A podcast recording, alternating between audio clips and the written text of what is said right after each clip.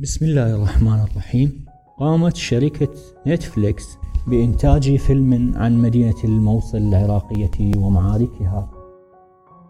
ومما لا شك فيه أن في هذا الفيلم سلبيات كثيرة وفيه إساءة متعمدة إلى الشعب العراقي.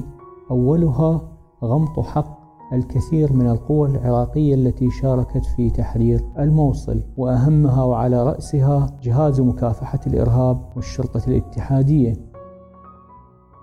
يبدأ الفيلم بنص كتابي يؤكد أن هذه القوة موضوع الفيلم هي من قامت بتحرير الموصل لا غيرها وهذا إجحاف بحق جهاز مكافحة الإرهاب والشرطة الاتحادية. ويستمر الفيلم بالأخطاء.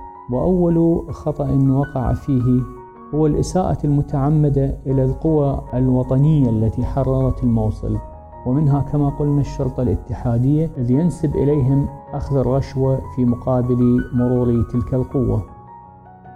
وأصلا أن تلك القوة المزيفة يعرضها الفيلم على أنها متمردة على الأوامر العسكرية ومن العجيب والغريب فيها أن الضابط جاهل جدا ولا يعرف ألف باء العسكرية. وأول أخطائه أنه يأمر جنوده بأن يبحثوا عن الكهرباء هل تعمل أم لا. وهو أيضا ذهب ضحية مصائد المغفلين التي وقع فيها عندما رفع الصندوق وانفجر عليه وانتهت حياته. وكما يعرف الكثيرون أن هذا لن يحصل للعسكرية العراقية أبدا. إذ إن من ألف بائها هو التدريب على تجنب مصائد المغفلين.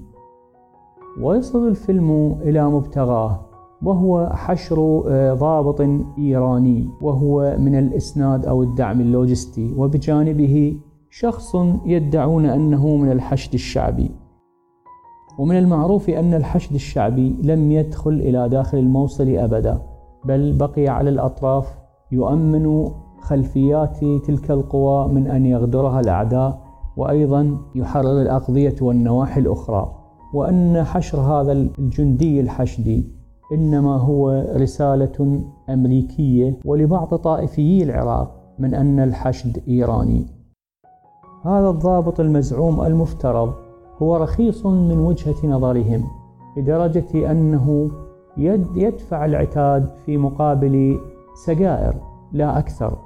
ويعطي القاذفة في مقابل النارجيلة وليس هذا فحسب فالعتاد ربما لم ينفعهم. والقاذفة ومقذوفة ال RPG لم تنفجر وأنها فاسدة لم تنفعهم. باختصار هذا الفيلم هو نوع من الحرب السياسية الإعلامية الثقافية بين الولايات المتحدة وإيران. وأخيرا وليس آخرا الإهانة التي وجهها لها الشعب العراقي.